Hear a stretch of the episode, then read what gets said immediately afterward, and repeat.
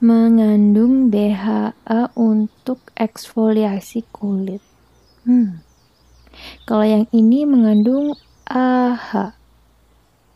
Oh, kalau yang ini mengandung PHA. Wah, wah, wah. Kandungan-kandungan ini lagi ngetren kayaknya. Woi Mel, ngapain sendirian di gazebo? Astaga, Imas. Jantungku kayak mau copot. Hei, lah kamu sih ngelamun terus. Aku nggak ngelamun. Ini lagi baca-baca produk skincare. Walah, kayakmu sok serius banget. HPmu Mel, Oh, ini Vivi lagi nanya di mana kita. Aku balas bentar ya. Vivi bilang mau nyusul ke gazebo katanya. oh iya. Hmm, kelasmu hari ini udah selesai, Mas. Lah, kita tadi kan satu kelas sih. Maba kimia kan SKS-nya dipaketin dari jurusan. Lah amnesia ada iki. Iya ya, aku lupa. Tadi agak telat terus nyempil dari belakang. Selesai kelas langsung keluar nggak lihat-lihat. Aduh, ada iki rek. Halo guys, Eh, Vivi, Habis dari mana kamu, Vi? habis ketemu kelompok ospek. Kalian sendiri lagi apa? Ini tadi aku nyamperin Mela. Lagi ngelamun sendirian dikasih bu kimia. Ah, ini loh, aku tadi baca-baca tentang produk skincare. Banyak yang punya kandungan asid, alpha hidroksi acid atau AHA, beta hidroksi acid atau BHA, polihidroksi acid alias PHA. Masih ada lagi tadi kayaknya beberapa yang lain gitu. Ah, iyo iyo iyo. Acid-acidan ini emang kayaknya lagi ngetren deh. Oh, tahu-tahu. Sering denger juga sih dari beauty vlogger. Hmm, sebelum bahas asam-asam dalam skincare, kayaknya lebih asik kalau kita paham sih acid ini secara kimia. Kalau secara kimia, acid ini apa sih sebenarnya? Kalau dalam bahasa Indonesia, exit adalah asam.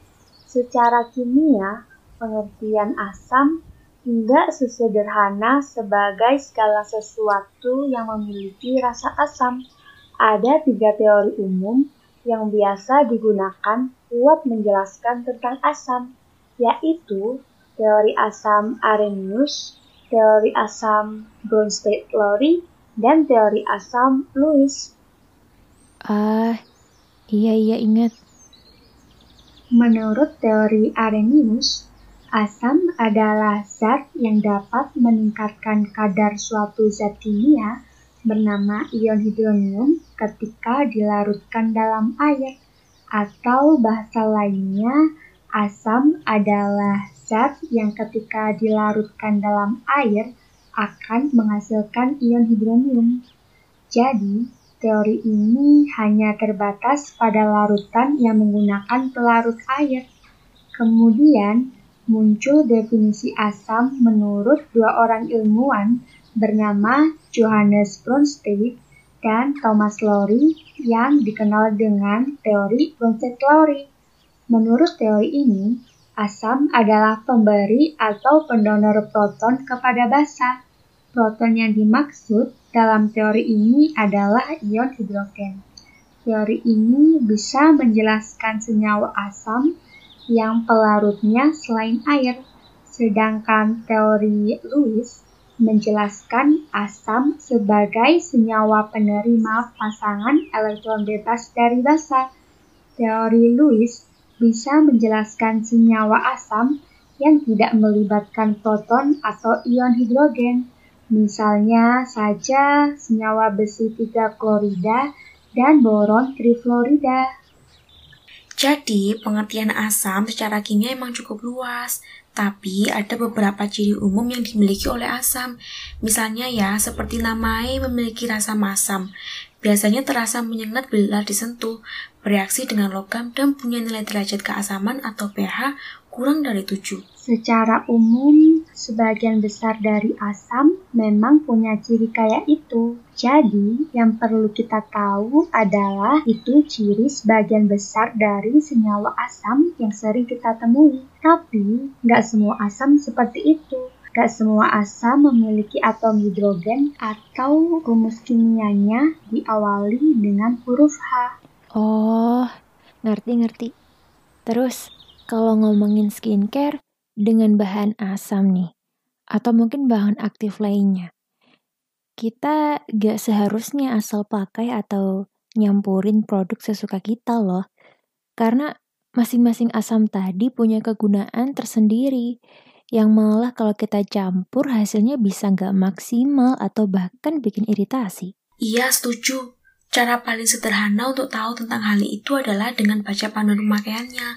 Bisa di label produk-produk itu ataupun kalau nggak ada bisa baca di website bandnya. Ini penting buat kita semua tahu. Nggak boleh males baca. Misalnya, senyawa AHA dan BHA. Keduanya berfungsi untuk eksfoliasi atau pengelupasan sel kulit mati. Awalnya aku juga agak serem sih kok kulit dikelupas gitu. Tapi yang dihilangkan atau dikelupas ini sel kulit mati. Lapisan terluar dari kulit yang sudah nggak berfungsi dengan baik. Dan malah sebaliknya dihilangkan agar nggak bikin kulit jadi kusam. Biasanya asam-asam ini digunakan secara terpisah, tapi ada juga beberapa produk yang menggabungkan keduanya dan tetap aman aja sih digunakan. Ini pentingnya penelitian dan uji klinis. Brand-brand kosmetik itu sudah memformulasikan dengan kadar yang paling sesuai untuk jenis kulit yang ditujukan. Biasanya juga dicantumin senyawa aktif ini tidak boleh digabungkan dengan senyawa aktif lain apa aja. Misalnya, AHA atau BHA nggak boleh dicampur dengan vitamin C karena bisa bikin iritasi.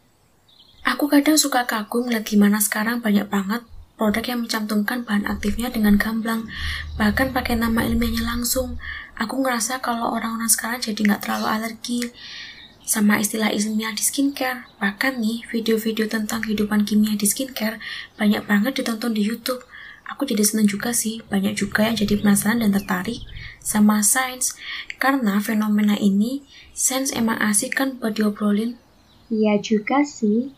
Kita udah seharusnya nggak terlalu ngikutin stereotype kalau sains itu eksklusif. Semua orang boleh banget kok suka sama sains. Nggak harus nunggu jadi mahasiswa MIPA nggak harus jadi dosen dulu. Sains bisa banget buat sekedar jadi bahan obrolan di tongkrongan, gak harus di kelas. Bener banget, karena banyak banget fenomena di sekitar kita yang bisa dijelasin sama sains. Uh, ya ini juga tentang kandungan herbal sama bahan buatan laboratorium buat skincare. Kenapa emang Mel? Gak selamanya yang berlabel herbal itu paling baik untuk tubuh yang paling penting adalah sudah dilakukan uji klinis terhadap produk skincare itu. Apalagi kalau bilang kayak skincare herbal tanpa bahan kimia. Lah, padahal bahan kimia kan segala sesuatu yang punya masa dan ruang. Emang skincare herbal itu gaib apa nggak punya masa? Nggak bisa ditimbang? Hei, sabar Mel, sabar.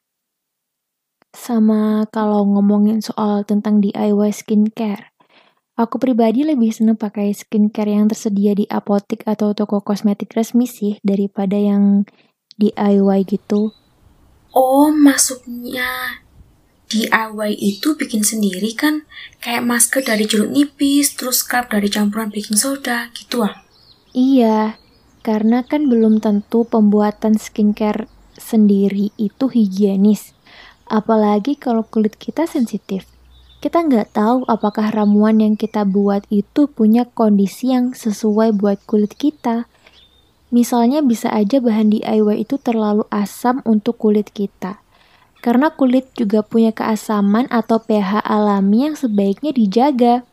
Atau bisa aja kita pakai suatu bahan yang sebenarnya mengandung bahan aktif yang kandungannya perlu diimbangi dengan menambah bahan lain agar nggak bikin iritasi. Atau dalam hal bikin scrubs. Kalau kita bikin sendiri, kita nggak tahu apakah ukuran scrub ini aman untuk kulit atau terlalu kasar sehingga bisa mengiritasi jika digunakan dalam jangka panjang. Uh, aku nggak bilang kalau semua DIY skincare itu bahaya loh ya, tapi alangkah lebih baik kalau kita mengedukasi diri kita terlebih dahulu, mencari informasi yang lengkap terlebih dahulu sebelum kita yakin untuk membuat skincare sendiri. Bener banget. Siapa lagi yang bakal sadar akan kesehatan kulit kita kalau bukan kita sendiri? Sip, setuju. Hei, kalian harus makan belum? Ayo cari makan. Wah, ide bagus. ya udah, ayo